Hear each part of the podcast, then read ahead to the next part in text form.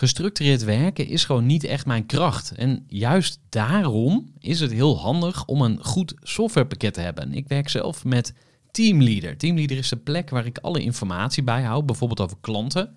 Waarin ik offertes maak en verstuur en die digitaal laat ondertekenen. Waarin ik facturen verstuur, waarin ik lijstjes bijhoud, waarin ik projecten kan managen, waarin ik standaard e-mails kan programmeren. Kortom, ik gebruik Teamleader om alle werkprocessen van mijn bedrijf te stroomlijnen. En zeker ook als je met een team werkt, is het heel fijn om over dezelfde informatie te beschikken. Nou, als je ook benieuwd bent of er mogelijkheden zijn om jouw bedrijf meer te stroomlijnen, of je nu alleen werkt of met een team, ga even naar teamleader.nl slash groeivoer en je kunt dan vandaag nog een trial starten voor twee weken lang, gratis. En je kunt Teamleader volledig uitproberen. En na de proefperiode krijg je ook nog zo'n leuke korting als luisteraar van Groeivoer. Ga naar teamleader.nl slash groeivoer. Groeivoer. Groeivoer. Groeivoer. Zoek je inzicht, inspiratie voor je eigen bedrijf. Wil je elke dag iets leren? Luister dan naar Groeivoer. Welkom bij weer een nieuwe aflevering van de Groeivoer podcast. Deze week met Hubert-Jan van Roest.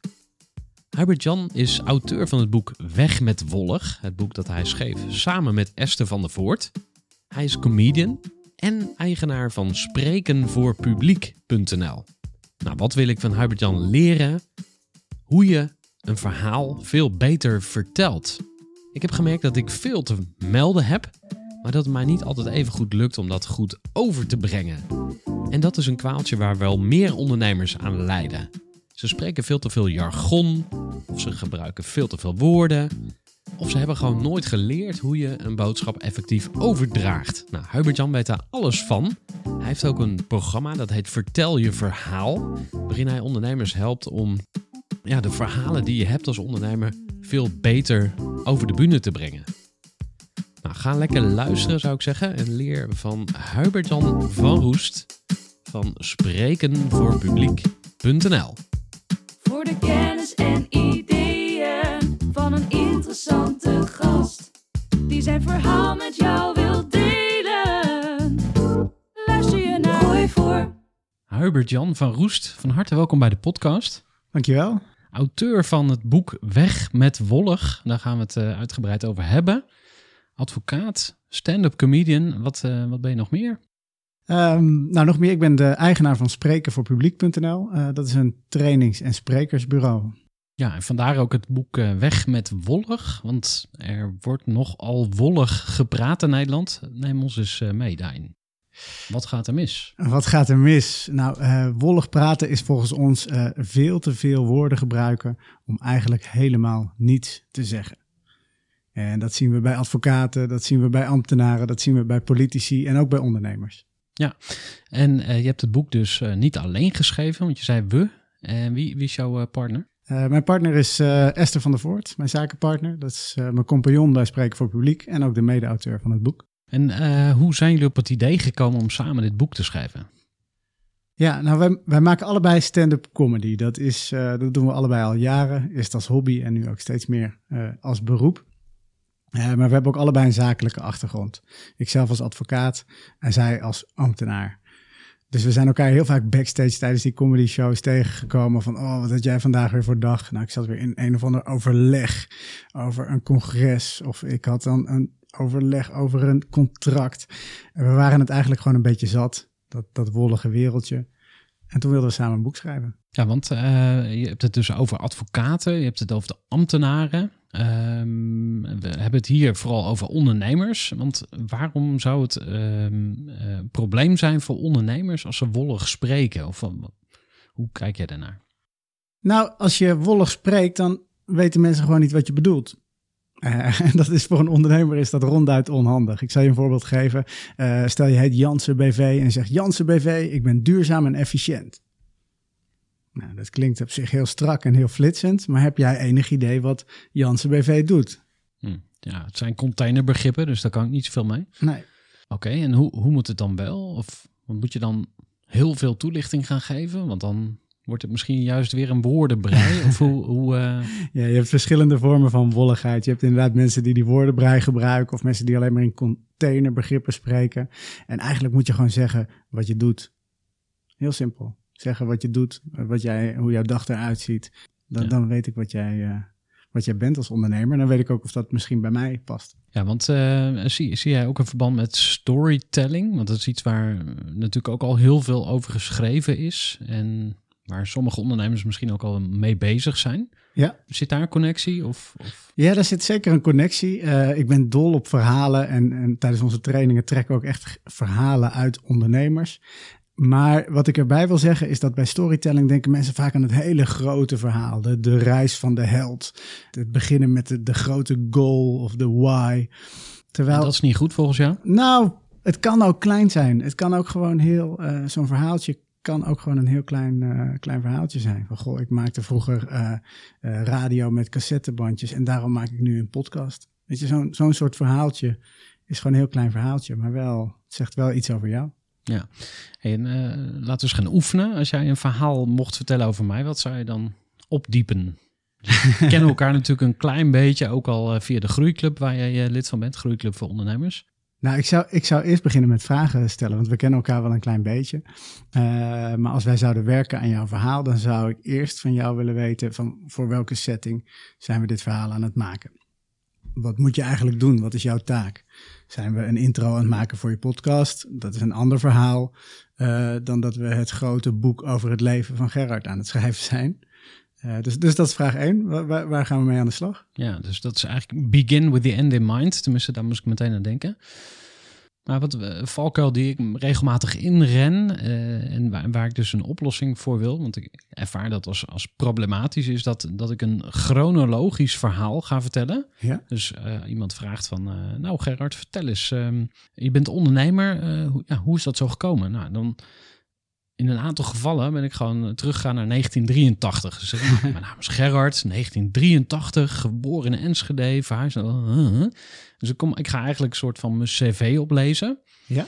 En ehm, ik heb inmiddels ook een beetje ontdekt hoe dat komt. Want ik denk dat mensen verschillend denken. Dus mensen hebben eh, verschillende manieren van informatie verwerken. Van ja, het processen, maar ook het, het zien van verbanden. En op een of andere manier, eh, voor mij is alles met elkaar verbonden. En dat, dat is ook zo. Hè? Dus je kan, eh, je kan dingen niet loszien van elkaar.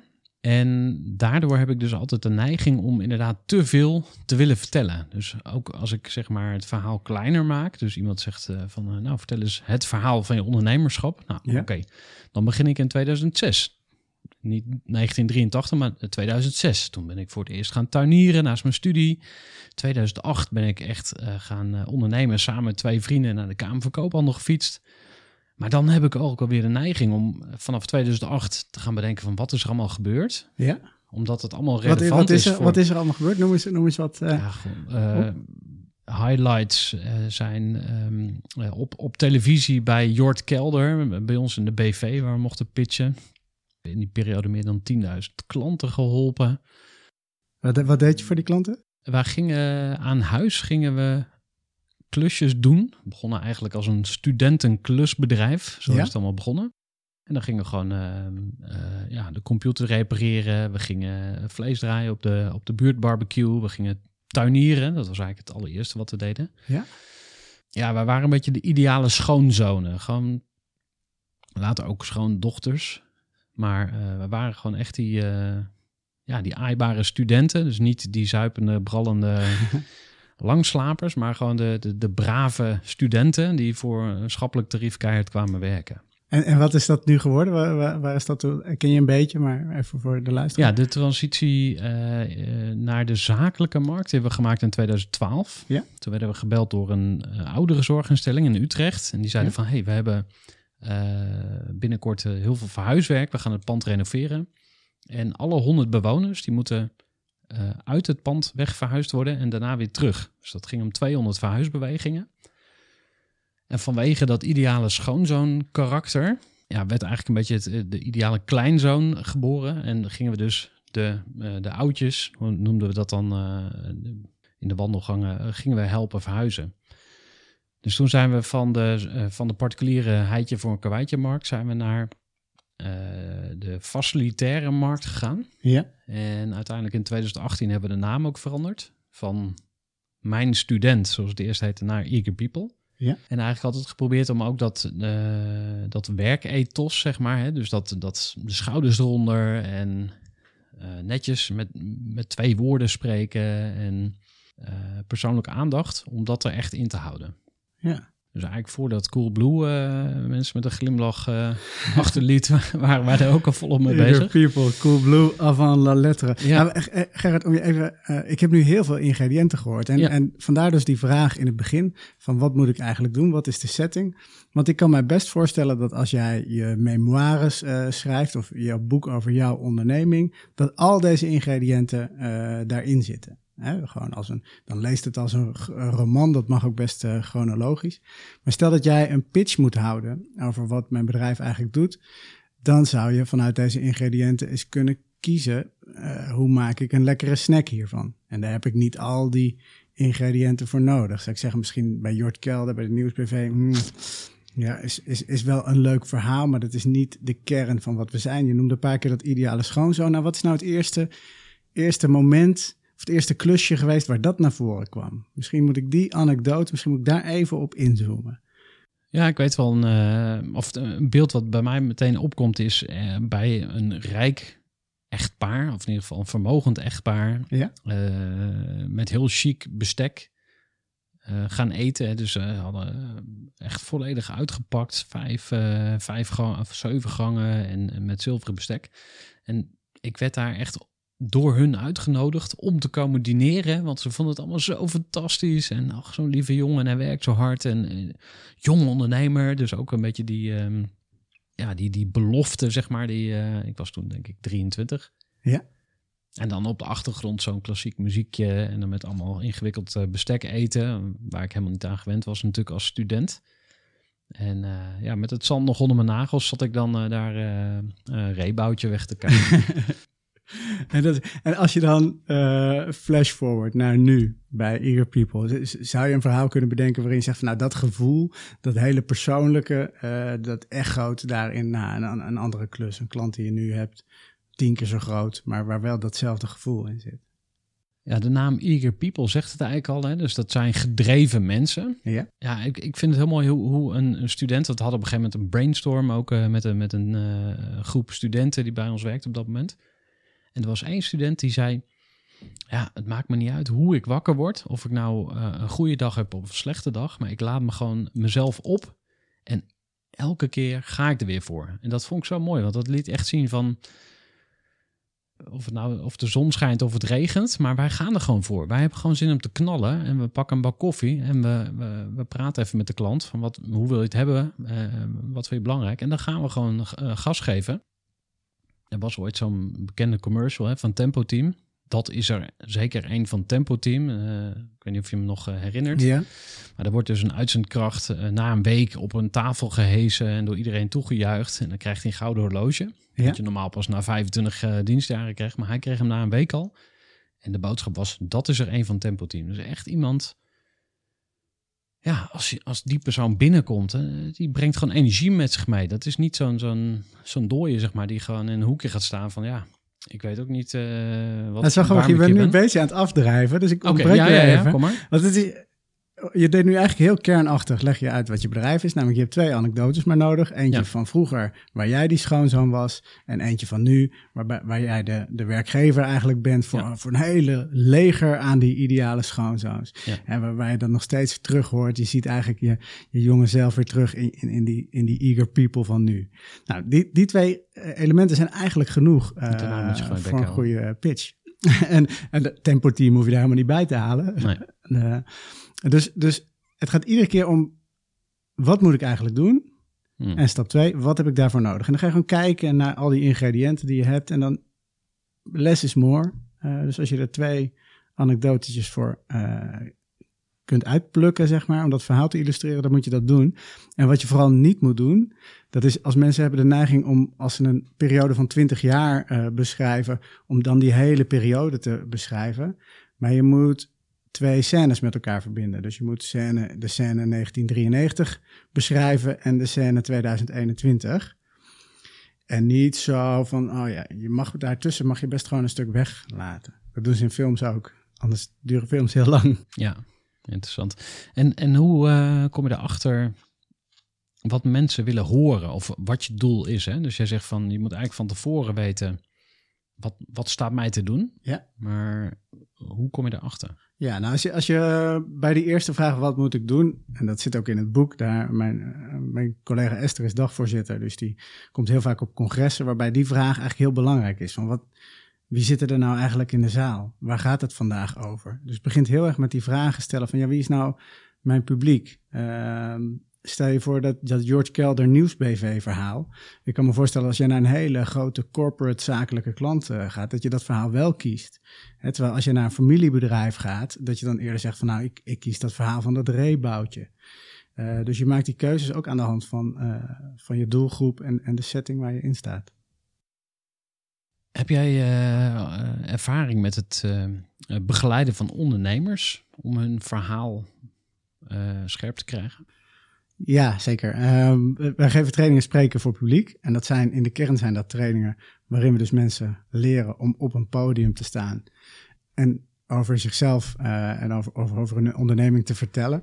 Maar omdat we die trainingen geven aan de hand van mensen hun eigen spreeksituaties, krijg ik dus heel vaak van die persoonlijke anekdotes te horen. En gaan we heel vaak schrappen van, nou, kies deze nou wel. Of is er nou in dat ene jaar iets gebeurd wat heel naar was of wat heel mooi was. En zo pellen we zo al die verhalen naar boven. Soms ook verhalen die mensen helemaal vergeten zijn. En dan kijken we wat, uh, wat werkt. Ja, en um, jij zegt dus eigenlijk van uh, gelijkmatigheid is ook een soort uh, valkuil. Dus dat je alles gelijk behandelt. Ja. je moet juist de, de highlights eruit pakken. Of ja, highlights klinkt misschien wat oppervlakkig, maar de echte momenten dat echt spannend was, in, in positieve of negatieve zin. Ja. Uh, en wat maakt nou dat dat goed uh, overkomt op een podium? He, dus het, het ophalen van de beste verhalen, dat is één ding. Of he, de anekdotes die je kunt inzetten om je verhaal te vertellen. En dan is er de, de stap naar dat op een podium uh, ja. brengen. Hij slaat nu eigenlijk twee stappen over. Ja. Want we hebben de eerste twee stappen gehad. Wat, wat moet ik eigenlijk doen? Wat heb ik daarvoor nodig? Uh, de, het derde wat je gaat doen is eigenlijk hoe wil ik het vertellen. Dus dan ga je structureren. Dus je hebt die, die, die ingrediënten geselecteerd. En dan ga je een beetje spelen met de structuur. Uh, dus als je zegt, ik krijg vaak te horen... Uh, goh, Gerrit, je bent altijd zo chronologisch. Ja. Nou, begin eens in het midden. Pak, pak drie sprekerskaartjes, dan schrijf je die drie anekdotes op. En dan begin je gewoon bij kaartje 2 en begin je gewoon te vertellen. En kijken of je dan terug kan naar kaartje 1 en dan weer naar kaartje 3.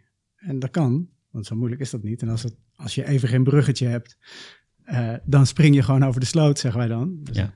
zeggen we, nou, we gaan even terug in de tijd. Dus, dus gewoon door daarmee te spelen, met die structuur, kun je kijken wanneer je verhaal het, het, het lekkerste klinkt eigenlijk.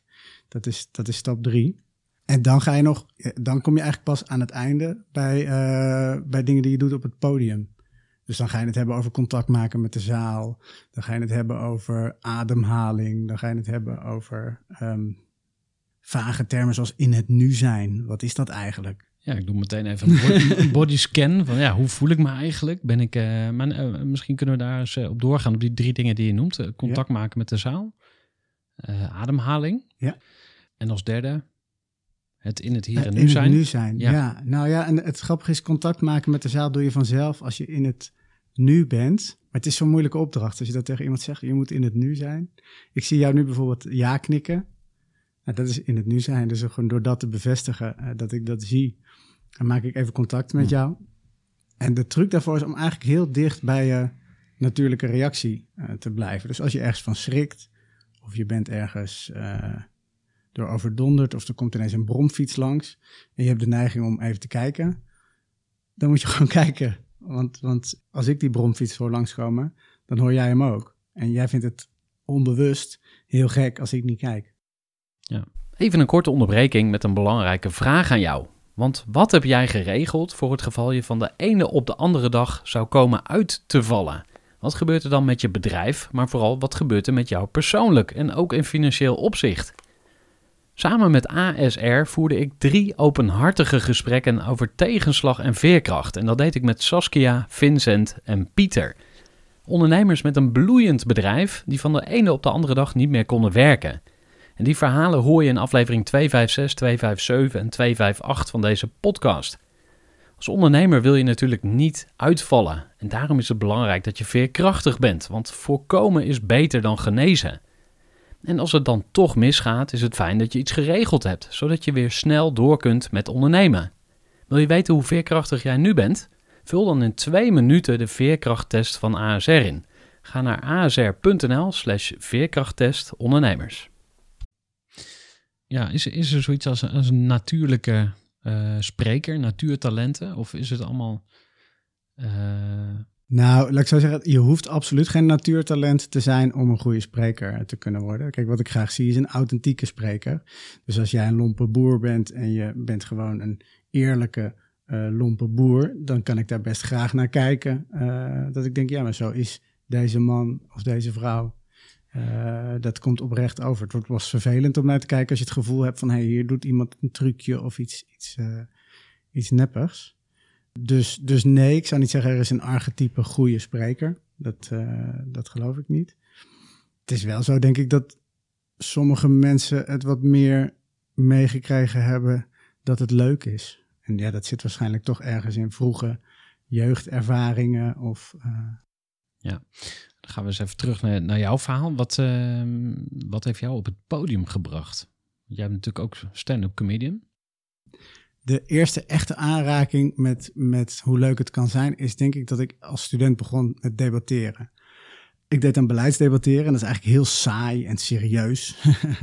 Andere studenten zijn dan heel hard bier aan het drinken, dat deed ik ook. Maar ik deed ook wel eens uh, dat ik op zaterdagmiddag in een druilerig grauw klaslokaal ging staan praten over kilometerheffingen en uh, dat soort beleidsmaatregelen. Nou, dat lijkt natuurlijk ontzettend saai. Dat is het misschien ook wel een beetje.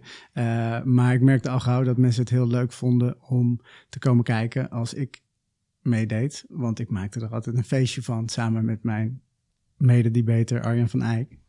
Uh, en ik kwam toen in finales van wedstrijden en dan zat er een hele zaal vol met mensen. En dan stonden we dat op een podium te doen. En toen dacht ik, ja, maar dit is leuk. Ja, dus zo is het gekomen. Dus de, de, en dit was nog behoorlijk serieus. Maar op een gegeven moment ging ja. je ook grapjes maken. Waar, ja. waar, is, het, waar is het misgegaan? het is misgegaan. Ik was advocaat en uh, heel tussenstapje, wat ik misschien wel had kunnen overslaan. Maar in ieder geval, ik begon in 2014 met stand-up comedy. Uh, dat was een beetje een uitlaatklep. Misschien ook wel vanuit mijn serieuze werk. Om s'avonds gewoon het podium op te gaan. Om toch weer die energie te voelen van, van een zaal uh, mensen die, die op je reageert. En dat was ontzettend leuk. En dat, dat is echt verslavend. Gewoon wel, want ik deed dat op een gegeven moment twee, drie keer in de week. Gewoon naast mijn werk zat ik s'avonds weer in de auto naar Sittard of naar, uh, naar Snake. Om, uh, om voor zes dronken mensen te gaan optreden. Wat maakt dat zo verslavend? Ja, toch de drang om, om beter te worden. Het is zo eerlijk. Het is, stand-up comedy is zo uh, recht toe, recht aan. Jij maakt een grap en het publiek lacht of niet. En als het publiek niet lacht, dan heb ik iets verkeerd gedaan. En die nood proberen te kraken van ik weet dat dit grappig is of ik vind het zelf grappig, maar hoe moet ik het dan zeggen om het publiek zover te krijgen dat zij het ook grappig vinden? Uh, en dat steeds maar weer uitproberen en merken dat het steeds beter gaat, dat, is, dat, dat geeft een kick. Ja, en um, een, een volle zaal die applaudisseert, dat lijkt me ook wel een dingetje. Is, Vind je dat ook kicken? Of, uh, ja, ja, dat is waar speelt ego het, het woord applaus alleen al, dat geeft me gewoon een warm gevoel. ik mis het nu in de ja. coronatijden. Uh, ja, speelt ego een rol? Dat is een hele goede vraag. Ik denk het wel. Het, misschien is het ook wel zoeken naar bevestiging, maar het is een applaus krijgen uh, op het moment dat je hem wilt krijgen, want dat is natuurlijk ook, hè, je, je, je bouwt ze bijna in. Van oké, dit is de grap en hier gaan jullie klappen. Ja, ze gaan klappen. Dat is, ja, dat, voelt je, het geeft toch een soort gevoel uh, dat je de baas bent over de zaal of zo. Of dat je in control bent. Dat is heerlijk. Ik kan het iedereen aanraden. Ja, en als je dat nou in je business kan doen, dus je hebt een, een missie als ondernemer, je wil iets, iets van de wereld verbeteren. En je kan dat super goed vertellen. En dan misschien ook nog met een beetje humor. En dat die, die zaal dan echt voor je gaat klappen. Dat lijkt me nou echt. Ja. Dat ze dan ook nog ergens een product kunnen bestellen of zo. Of een soort ja, pitch? Of is dat dan Ja, nou, of, een, of een idee misschien. Kijk, dat is de. Ik mis toch in Nederland, en dat is echt wel de missie van Spreken voor Publiek, denk ik, om een beetje de sprekerscultuur in de goede zin van het woord eh, aan te moedigen. Hier in Nederland is het toch zo dat als we een spreker inhuren, dan is het vaak of eh, een, een oude wielrenner of een oude voetballer die iets, een bijzondere prijs heeft gewonnen, of het is een hele hoge status eh, bankier. Maar het is zelden iemand die gewoon, iemand zoals jij en ik, die niet misschien direct aanwijsbaar iets heel bijzonders heeft, maar die wel een bijzonder verhaal heeft. Ik denk bijvoorbeeld aan een Brené Brown, zeg maar, dat, die gewoon een, een goed idee de wereld inbrengt en daar een goed verhaal van heeft gemaakt. Ja, die, die, ik mis toch een beetje de Nederlandse Brené Brown nog. En ze zijn er wel onder de oppervlakte, maar Want de, eh, wie, wie is dat ook alweer, Brené Brown? ja, dat is de, de, de dame achter de kracht van kwetsbaarheid. En de, de kracht van kwetsbaarheid is zo'n sterk idee. Zeg maar, zij zegt van ja, maar ik geloof daar echt in. Ik maak daar een verhaal van. Ik schrijf daar een boek over, maar ik hou daar ook presentaties over. En dan mensen betalen goed geld voor een kaartje om dat verhaal te horen. Niet omdat zij een beroemde voetballer is geweest, maar gewoon omdat zij een goed verhaal heeft. Ja, dat zou ik in Nederland graag ook eh, toch wat meer zien. Dus eigenlijk, het, het begint daar met het verhaal of het idee, zeg maar. Of ja, het begint eigenlijk met het Ja. idee. En toevallig is dan iemand de boodschapper en die gaat op het podium staan. In plaats van, Ja, nou, en die durft ook de boodschapper te zijn. Die Mhm. durft ook te ownen van dit is mijn... Misschien niet, zo, niet zozeer van, nou, ik heb dit verzonnen of dit, dit is heel geniaal. Maar wel zo van, ik geloof hier zo sterk en ik vind het zo belangrijk om dit verhaal te delen. Dus ik wil dat zoveel en zo vaak mogelijk doen.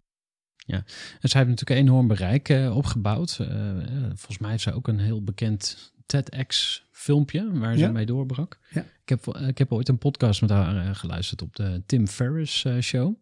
En waar ik net aan moest denken was van... Ja, wanneer eh, is je verhaal of eh, wanneer is je, je moment daar om te lanceren of zo? Of, eh, waar, waar ik aan dacht was van soms weet je ook gewoon nog niet wat is mijn verhaal eigenlijk. Dus alle ingrediënten zijn er en ze zijn aan het rijpen en aan het gisten. Ja? Maar jouw, jouw moment is nog niet daar. Nee, en dat, nou, dat is ook een hoe, van die hoe ga je daarmee om? Ja, dat is dus een van die dingen die ik dan een beetje mis in, in, het in Nederland. Eh, en ik weet eerlijk gezegd ook helemaal niet hoe dat in de rest van de wereld aan toe gaat. Maar in het stand-up comedy circuit zijn er dus die kroegen waar ik het net over had. Je, je, je kan gewoon, als jij zegt van ik denk dat ik grappig ben, kun je gewoon naar shitart rijden in een kroeg gaan staan en grappen gaan vertellen. Stel dat jij denkt van nou, ik ben niet grappig, maar ik heb wel een idee wat ik is tegen wat mensen aan zou willen houden op een manier, ja, als een, als een talk of, of op een podium, eh, dan is er eigenlijk niet zoveel onder het. Er is niet een onderlaag waar je gewoon voor zes man kunt gaan oefenen en, en dat verhaal kunt gaan vormen. En die, eh, dat zou ik graag zien. Ja, en eh, als je dat zelf zou mogen creëren, hoe zou je dat dan doen? Nou, jullie, heb, jullie hebben een spreekuur, geloof ik, voor sprekers. ja, we hebben, zoiets, een, of, we hebben een eh, spreek, spreekuur. Dat is eh, eigenlijk gewoon nu online, omdat het, in de tijd van corona kunnen we niet heel veel live doen. Dus kun je gewoon even online langskomen als je een vraag hebt. Dat kan gaan over je bruiloftspeech of over een vergadering die je moet leiden, maakt niet uit. Kom gewoon langs, gewoon gratis. Uh, maar als dat weer live een beetje zou mogen, ja, dan zie ik dat wel voor me als een soort van stand-up comedy format. Uh, waar je dus een line-up hebt. En een, een line-up is niks meer of niks minder dan uh, een groepje mensen die één voor één wordt aangekondigd en een stukje tijd krijgt op het podium. Ja, dat zou ik wel willen zien voor, voor sprekers. Ja, een soort open podium. Ja. En dan, uh, want uh, om misschien nog eens even door te gaan op het sprekersonderwerp. ik heb wel eens iemand horen zeggen dat er uh, 165.000 sprekers in Nederland zijn. Ja. Ik weet niet of de getallen kloppen, maar het gaat er om tienduizenden. Ja.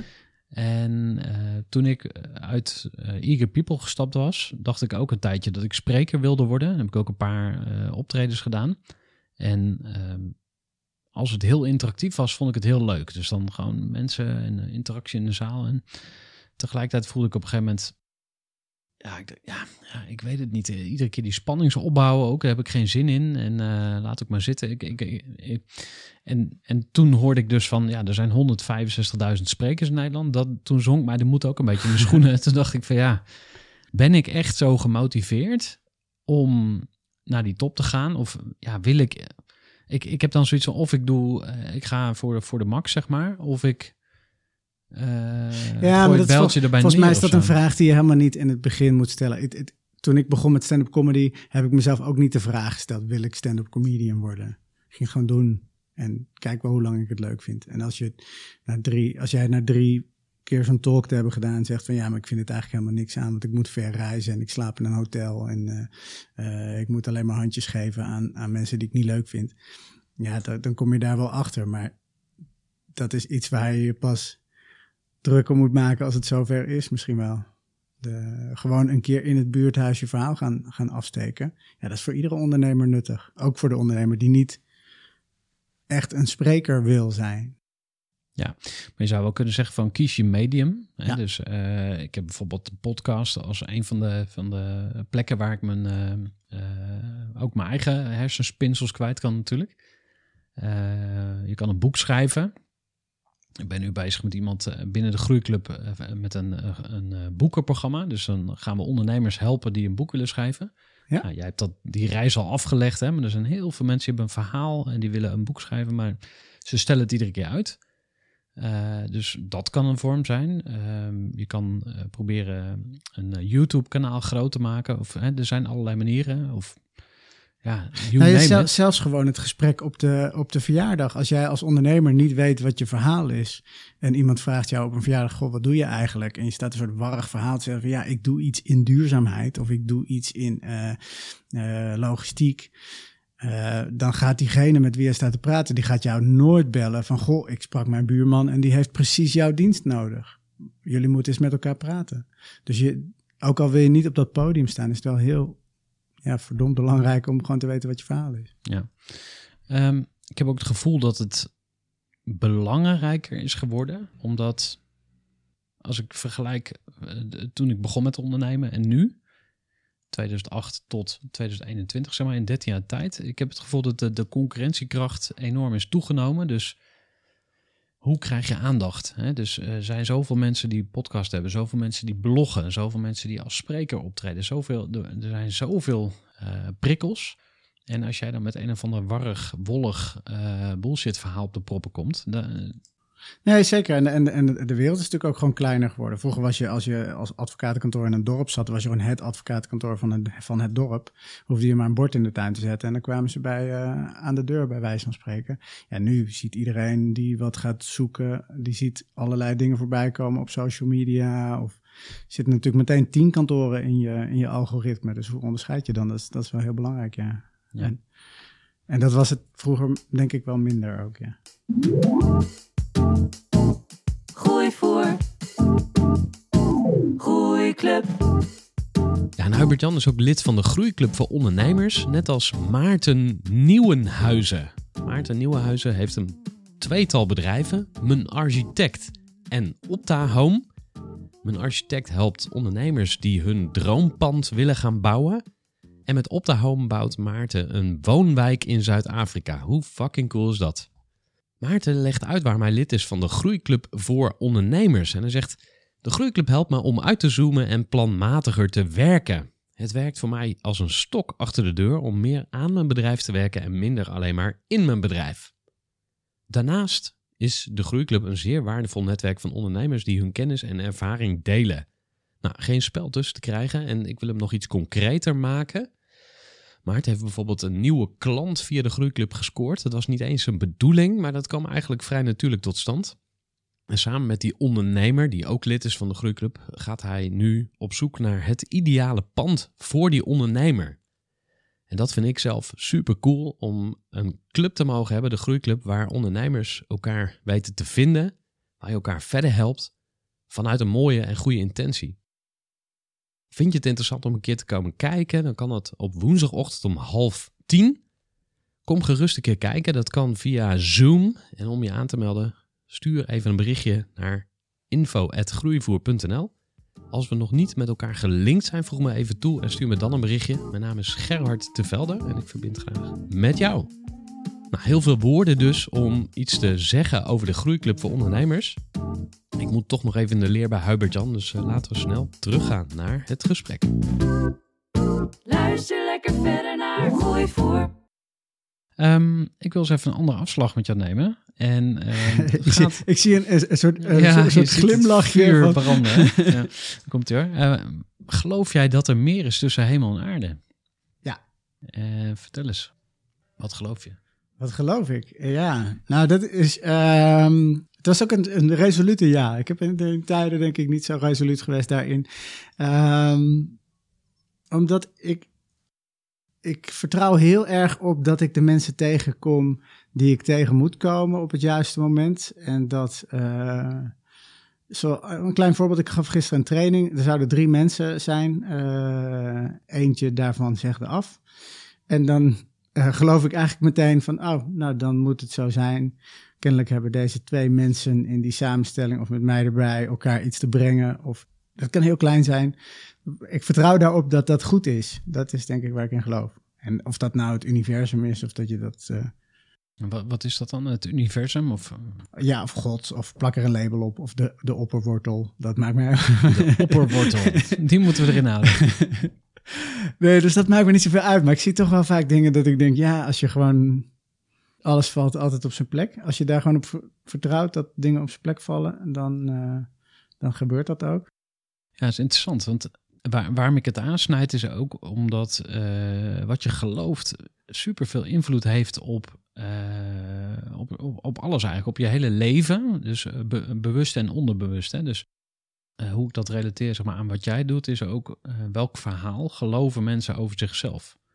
Nou, ik merk dat ik de neiging heb om eh, mezelf omlaag te praten in verhalen. Dus ja, nee, dat stelde niks voor. Of ja, dat doe je toch gewoon. Of ja, dat was wel dom. Weet je wel, dus eigenlijk jezelf talk, zoals het ook wel genoemd wordt. Dus wa- wat vertel je jezelf over jezelf? Dat kan een enorme belemmering zijn. En als je dus gelooft in het universum, waar jij het over hebt, of in, in iets wat groter is dan jijzelf, ja, dat geeft mij in ieder geval een gevoel van: hey, misschien zit er ook iets van die grootsheid in mijzelf. En mag ik ook gewoon laten zien wie ik ben. En ehm, ja, nog meer kleur bekennen of zo. Of gewoon ja, zijn wie je bent of zo. Of worden wie je bent. Ja, Dus dat proces, dat zit misschien ook een beetje in dat... eh, nou dat, en dat is, dat, ik vind het leuk dat je zegt van zijn wie je bent en, en, en over de manier wat je, of hoe je over jezelf praat. En eh, op het moment dat je aan de slag gaat om al die verhalen die er in jou zitten, zowel de negatieve, want er zijn natuurlijk tien verhalen waarin Gerard een, een, een, een domme kerel is geweest, of waarin Gerard een fout ge- gemaakt heeft. ongeduldig bijvoorbeeld. Dat is een Ja, nou ja, dat is, dat is een label, maar er zijn waarschijnlijk ook echt concrete situaties dat je denkt, oh, dat was echt niet handig. Dat had ik echt niet moeten doen. Of je hebt iemand pijn gedaan, of je hebt je, jezelf eh, iets voor je, gedaan wat voor jezelf niet handig was. Nou, die verhalen die zijn er, maar er zijn natuurlijk ook tientallen verhalen waarin je super belangrijk bent geweest voor iemand. Of waarin je eh, iets hebt gedaan waarvan je, waar, waar je zelf heel veel beter bent geworden. Dus gewoon om die verhalen eens even allemaal naar boven te plukken. En daar kun je eindeloos mee, eh, mee bezig zijn. En dan te leren vertrouwen op van ja, maar ik ben al die verhalen en ik kan ze naar boven halen in de situatie dat ik ze nodig heb. Ik denk dat dat heel veel kracht geeft, ook als ondernemer. Dat je gewoon weet van ja, dat is er gewoon allemaal en dat is niet erg. Jeetje, wat wordt dit een filosofische podcast ineens. ja, eh. ja dat, eh, dat wil nog wel eens ik, ontsporen. heb, ik heb bijna de neiging om een soort galmpje erop te zetten. Ja. en een orgeltje. Ehm, ik wil nog even naar je eh, ondernemerschap gaan kijken. Want ehm, je zei van, ik ben advocaat geweest. Volgens Ja. mij was je op een gegeven moment ook daar een beetje klaar mee. Ja, Eh. nou, ja, nou ik, kon, ik, ik, ik, ik kreeg op een gegeven moment, ik had het gevoel dat ik het niet meer zo kon. Omdat iedereen die in een conflict zit, en dat zijn de mensen die bij je komen als je advocaat bent, die moet door een soort proces heen. eh, want die is eerst heel kwaad op die andere partij vaak. En eh, op een gegeven moment komt hij erachter van, ja, maar als ik, vast, als ik me vasthoud aan die kwaadheid, en in dat conflict blijft hangen, bijvoorbeeld met een werkgever. Van goh, nou, mijn baas vindt dat ik niet functioneer, maar ik functioneer wel goed. En ik ga alle rapporten die hij daarover geschreven heeft, ga ik allemaal aantekeningen bijzetten wat niet klopt. En dat gaan we dan heen en weer mailen. En op een gegeven moment kom je dus achter in zo'n proces, en dat geldt voor iedere klant, dat dat een heilloze weg is. En dat duurt meestal gewoon een paar maanden. Nou, dan ga je procederen en dan sla je die kop een keer goed tegen elkaar in de rechtbank of, of, of, je, eh, of in eh, onderhandelingen. Uh, maar ik merkte op een gegeven moment dat ik heel erg de neiging had om in het begin al tegen die mensen te zeggen van joh, laat zitten, stap uit het conflict. De wereld is mooi, er zijn heel zoveel andere dingen die zoveel leuker zijn. En eh, omdat ik vaak ook van oude klanten hoorde, een half jaar na zo'n ontslagzaak, van joh, ik ben zo blij dat ik daar weg ben, want ik doe nu iets wat veel leuker is. Dus ik wilde eigenlijk mensen in het begin van het proces al vertellen van joh, fast forward uh, zes maanden vooruit, en dan ben je totaal niet meer bezig met wat je nu uh, zo belangrijk vindt. Maar daarmee miste ik dus eigenlijk het geduld wat nodig was om die mensen op een goede manier door dat proces heen te helpen. Het stond me ook tegen om van die boze conflictbrieven te schrijven en om daarin te blijven hangen. Dus was het ontgroeid of zo? Zou het zo kunnen samenvatten? Uh, ja, zou kunnen. Ja, dat zou kunnen. Of dat ik, ja, dat het, uh, toen ik advocaat werd, want ik vond dat debatteren zo leuk. Ik dacht echt dat dat het mooiste was wat er was. Het conflict aangaan en dan winnen van de ander. Dat, dat, dat vond ik echt mooi om te doen. De ander te slim af zijn of die, die puzzel net even wat beter kraken. Ja, maar wanneer is het nog een spel en wanneer ga je echt mensen pijn doen? Ik bedoel, dat is natuurlijk ook een... Uh, als, als, het een debatclubje is, dan aan het einde van de avond drink je een biertje met elkaar. Ja, nou en daar kwam ik denk ik dan toch wel achter dat in de praktijk dan van de advocaat toch gewoon heel veel... Je hebt gewoon echt als advocaat met heel veel negativiteit uh, te maken. Het zijn, zijn toch heel veel mensen die in een soort conflict zitten en... Uh, ja, wat dat betreft is het ook best wel een uh, ja, zwaar beroep, is het wel. Ja, hey, en zag je jezelf toen ook als ondernemer? Want uh, ergens is de transitie gekomen van advocaat naar nu eigenaar van meerdere bedrijven. Nou, de, ik ben als advocaat stagiair begonnen bij een kantoor en daar vertrok op een gegeven moment een van de partners en die zei, hij wil jij mee in een nieuw kantoor en mee ondernemen. Dus ik was eigenlijk vrij jong, was ik advocaat partner. Um, en toen zat ik weliswaar op de stoel al van de ondernemer. Dat ik ondernemersbeslissingen maakte, maar uh, we waren natuurlijk in die zin ook wel een soort voortzetting van een bestaande praktijk. Uh, dus het was wat minder creatief ondernemerschap dan dat het nu is. Maar goed, toen heb ik al wel de eerste stappen gemaakt. Van, heb ik heel veel geleerd, ook van mijn compagnon, van wat komt er nou eigenlijk allemaal bij kijken. En, uh, dus toen ik de stap maakte naar wat ik nu doe, wist ik al wel heel veel en kon ik daarmee verder. Ja, en wat is jouw uh, beste eigenschap als ondernemer en wat is jouw zwakste eigenschap? Mijn beste uh, eigenschap is dat ik eerst ja zeg en dan ga nadenken. en waarom is dat zo goed? Ja, er gebeurt altijd wat. Dus er gebeurt, we zijn altijd met wat nieuws bezig. Of zullen we een boek schrijven? Ja. En dan kom je er na een maand achter dat niet een maand duurt, maar een half jaar. Maar goed, als, als ik dat van tevoren had geweten en daar van tevoren had over nagedacht, was dat boek er nooit gekomen. En waar komt die uh, bijna een soort roekeloosheid bij jou vandaan? Want ik zou er allerlei remmingen ervaren, maar jij duikt er gewoon in. Ja, dat, nou dat komt misschien ook wel omdat uh, ik was natuurlijk eerst advocaat. Dat was gewoon een soort gekozen carrièrepad. Ik wil advocaat worden. En dan zit je toch uh, in die zin vast in, in het beeld wat gewoon mensen verwachten dat daarbij hoort. Je doet gewoon, ja, dat is gewoon een bepaald businessmodel. En toen ik daar uitstapte, ja, toen moest ik het ineens zelf gaan verzinnen. Dus daar, de, ik denk dat dat gevoel, uh, dat heeft ook een soort gevoel van vrijheid gegeven. Dus ik dacht, ja, nu kan ik ook gewoon gekke dingen doen. Een fotoshoot uh, voor iets raars. Ja, en, en uh, hoe, hoe spelen financiën een rol daarbij? Want als je als ondernemer overal ja tegen zegt, dan, dan kan je misschien ook in twaalf uh, steden, 13 ongelukken belanden. En op een gegeven moment is je, je, je geld op. Hoe, hoe uh, of, of kom je ja. juist dan uh, op het spoor wat. Ja, ja dus wat je verder ik, ik, weet niet of ik ja zeg tegen dingen die heel veel geld kosten. Om een voorbeeld te geven, toen wij het boek gingen schrijven, toen was het eerste, het heet Weg met Wollig. Het eerste wat we bedachten is van, ah, dan gaan we met uh, schapen op de foto in een weiland. En toen zei Esther, zei van, oh, nou bij ons in, de, in, de, in het dorp is zo'n schaapherder en die heeft zo'n heel mooi veldje. En uh, ik zeg, bel hem. En zegt ze, oh ja, vind ik wel spannend. Ik zeg, gewoon doen. En zo, zo dagen we in die zin elkaar uit om dat soort dingen te doen. Ja, dat kost niet heel veel. Ja, dat kost misschien 200 piek om, om dat te doen en een dag. Ja, dus het gaat niet altijd om grote, grote dingen, maar het gaat wel. Het is wel een mindset. Ik vind het inspirerend aan jou hoor. Dus uh, gewoon, ja, is goed, gaan we doen. Uh, die, die, die attitude. En uh, soms voel ik zelf die, die vrijheid niet of zo. Dan, omdat ik ook weet dat ik heel veel dingen leuk vind, dwing ik mezelf om gefocust te zijn. Maar je kan ook een soort van ja, verkrampen dan of zo, of doorschieten. Ja, nou is denk ik ook net de fase waar je in zit. Want we, ik heb vorig jaar heb ik allerlei nieuwe dingen gelanceerd. Kom, we gaan mediatraining geven. Ja, gaan we doen. Eh, we gaan, eh, dus dus da- daarna komt dan denk ik ook de fase van... oh ja, maar alles waar ik zoveel tijd en energie in heb gestoken... daar moet ik dan nu ook... Daar moet ik er nu dan ook een beetje geld mee gaan verdienen. Want die komt er wel achter. Kijk, er is ook een moment geweest dat jij hier hebt gezegd van... oké, ik ga hier gewoon een, een kantoor huren in Utrecht... en ik schilder een wortel op het raam. Dus jij hebt die fase net zo goed gehad. Alleen volgens mij zit jij nu gewoon... Ja, jij loopt gewoon iets verder voor op mijn ritme. eh, waardoor jij nu in de fase zit van oké, nu is het er. en nu moet het ook groeien en er moet een beetje geld binnenkomen. En waar gaat het naartoe? Ja. Dus ja, ik sluit niet uit dat ik daar zelf ook wel in... eh, misschien, ik denk dat we daar nu net in rollen, zeg maar, in die fase. Hey, en eh, wat is je zwakste punt als ondernemer? Waar je misschien ook anderen voor waarschuwt. Ja, het toch durven loslaten. Eh, als in eh, er echt op vertrouwen dat als iemand anders een training geeft of iets maakt of iets, een e-mail schrijft of zo, dat niet alles langs mij hoeft. Eh, Dat ik, ik hoef niet overal het laatste woord op te. Of dat, tenminste, zo zou het moeten zijn. Maar ik vind dat heel eng om, eh, om tegen iemand te zeggen: van, joh, stuur jij er even een, stuur jij een uitnodiging eruit? Of eh, ja, schrijf jij een tekst voor de website? Of eh, ik heb daar toch wel de drang om, om, om dat aan mezelf te houden en daar het laatste woord op te houden. Komt dat?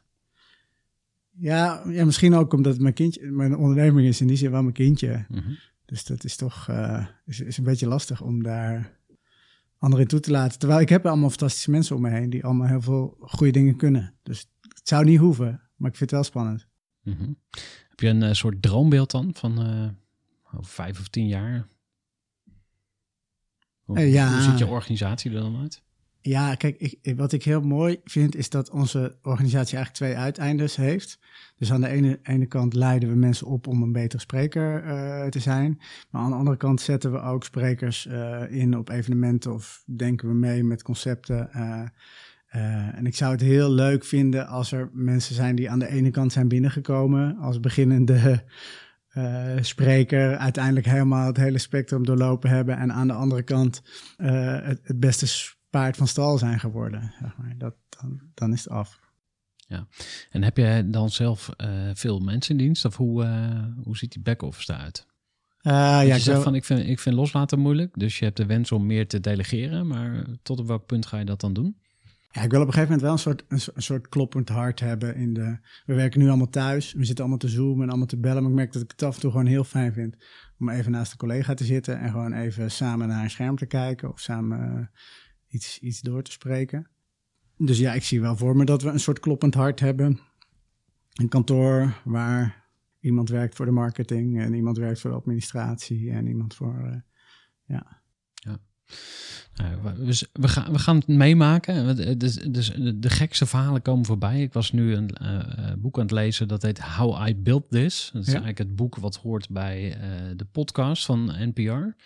Eh, Guy Raz, een bekende interviewer uit de VS. En die ehm, eh, beschrijft op een gegeven moment eh, de groei van eh, Shopify. Ja. Shopify is een, een, een, een ja, eh, webshop eh, software die je kan huren. De meeste mensen kennen het wel. En die eigenaar die zat in Ottawa, een van de eh, Canadese stad waar het de helft van het jaar gewoon heel koud en nat en eh, droevig is. Ja. En ehm, ja, er werken nu honderden, duizenden eh, me- mensen voor hem. Dus soms weet je ook niet waar het uitkomt. Eh, ik heb wel eens het gevoel dat ondernemers eh, zichzelf ook klein houden. Uit angst voor succes of spotlights of zo. En dan daar zelf een verhaal bij verzinnen. Zo van, ja nee, maar ik hoef ook niet rijk te worden. Of ik hoef ook niet zo groot te worden. Dus het lukt niet. En dan wordt het een soort van Ja, nou, ik eh, ik cognitieve do- dissonantiereductie. Om het de, de- Ja, ik geloof wel dat je, je moet wel visualiseren en, en, en manifesteren. Dus als je het niet voor je ziet dat jij eh, succesvol kan zijn, dan ga je het ook niet zijn. Of, eh, of, of het moet heel toevallig eh, gebeuren. Dus ik geloof, ik, ik, ik geloof niet zo enorm in, in, in, in bescheidenheid of valse bescheidenheid. Ik vind dat je echt best wel een droom op tafel mag leggen. Maar ik denk dat er ook, en dat geldt voor mezelf ook wel een beetje. dus of dat dan zo'n excuus is, weet ik niet. Maar eh, heel groot worden, dat betekent voor mij ook iets. ehm, En ik weet niet of dat waar is, dus ik hou het gewoon even tegen je aan. Of dat, dan, dan denk ik ook, dan word ik massa. Dan word ik voor de massa. Maar ik wil niet voor de massa zijn, want ik wil, ik wil bijzonder blijven. En ik wil, het, ik wil bijzondere verhalen vertellen en bijzondere trainingen geven. Eh, en ik wil niet eh 200 klasjes er doorheen beuken met een soort hetzelfde product. Daar, daar zit een, een soort aversie. En ik weet niet of die helemaal terecht is. Want het kan zomaar zijn dat als we dat wel doen, die grote massa, dat daar juist de hele bijzondere dingen uit voortkomen. Ik weet het niet. Ja, ja dat is een interessant onderwerp. Ehm, ik heb natuurlijk niet de antwoorden. Er schieten wel wat dingen te binnen. Van als je iets geweldigs hebt, waarom zou je dat dan zo dicht bij jezelf houden? Dus waarom gun je het juist niet de wereld dat iedereen daarvan mag proeven? Dus eh, zo zou je naar kunnen kijken. Ehm, ja, ik zit vooral op, dat stukje waarin je je geloof eh, of het be- gebrek aan geloof in jezelf jezelf tegenhoudt. Dus dat je eigenlijk niet echt je grootsheid durft te gaan leven of te gaan ondernemen. Dat klinkt allemaal weer heel hoogdravend of eh, je bent net naar Tony Robbins geweest. Maar ehm, ja, ik, dat voel ik echt dus bij mensen. Dat ik denk van, waarom hou je jezelf eh, tegen? Ja? Bij jou heb ik het niet heel erg hoor, maar ik, eh, soms kom ik wel ondernemers tegen. Ik heb er dus zelf ook wel eens mee te maken in mijn eigen ondernemerschap. En ehm, kwam- ik in, een interview een mooie, mooie quote tegen. eh, of je nou 10, 100 of 1000 mensen in dienst hebt.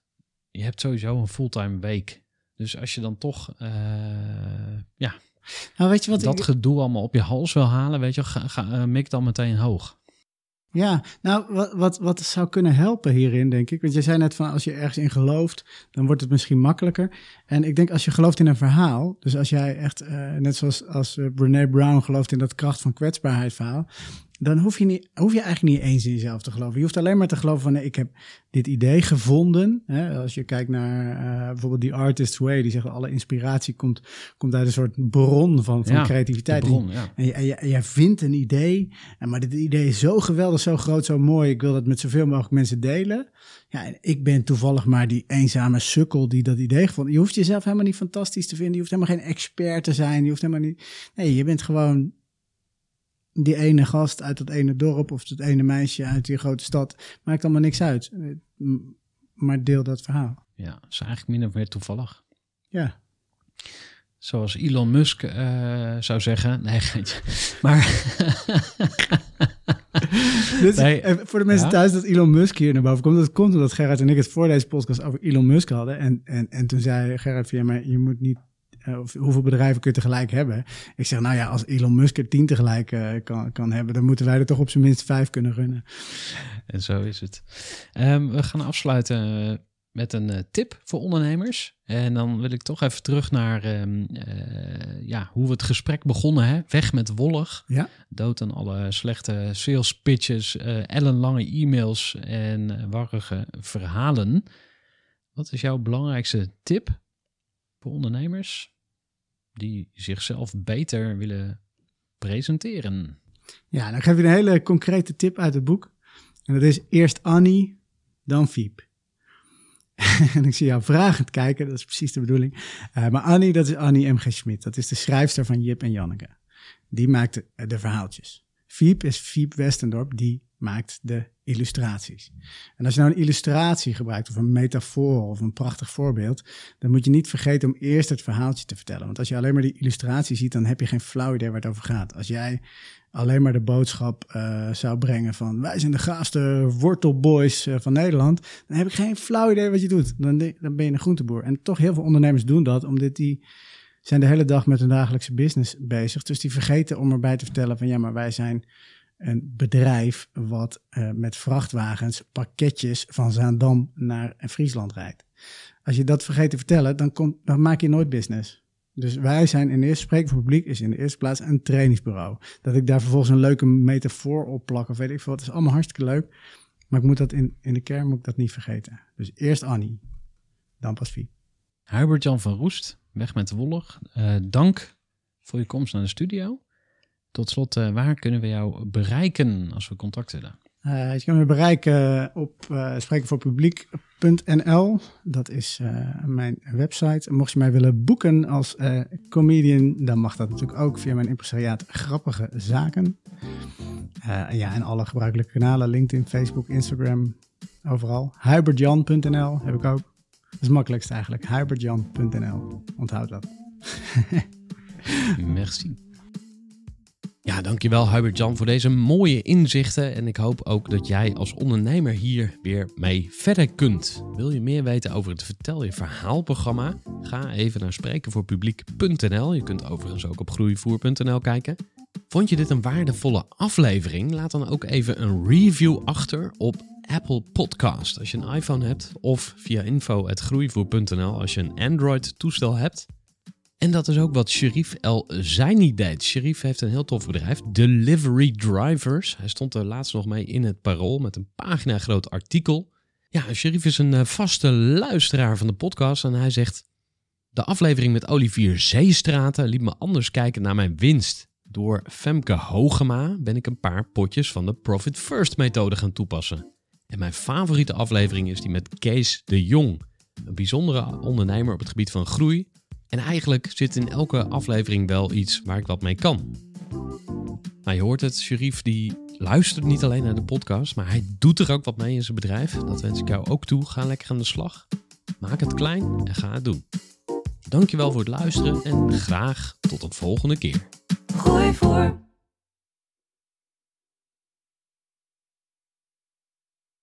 Gestructureerd werken is gewoon niet echt mijn kracht. En juist daarom is het heel handig om een goed softwarepakket te hebben. Ik werk zelf met Teamleader. Teamleader is de plek waar ik alle informatie bijhoud, bijvoorbeeld over klanten. Waarin ik offertes maak en verstuur en die digitaal laat ondertekenen. Waarin ik facturen verstuur, waarin ik lijstjes bijhoud, waarin ik projecten kan managen, waarin ik standaard e-mails kan programmeren. Kortom, ik gebruik Teamleader om alle werkprocessen van mijn bedrijf te stroomlijnen. En zeker ook als je met een team werkt, is het heel fijn om over dezelfde informatie te beschikken. Nou, als je ook benieuwd bent of er mogelijkheden zijn om jouw bedrijf meer te stroomlijnen, of je nu alleen werkt of met een team, ga even naar teamleader.nl slash groeivoer en je kunt dan vandaag nog een trial starten voor twee weken lang, gratis. En je kunt Teamleader volledig uitproberen. En na de proefperiode krijg je ook nog zo'n leuke korting als luisteraar van Groeivoer. Ga naar teamleader.nl slash groeivoer.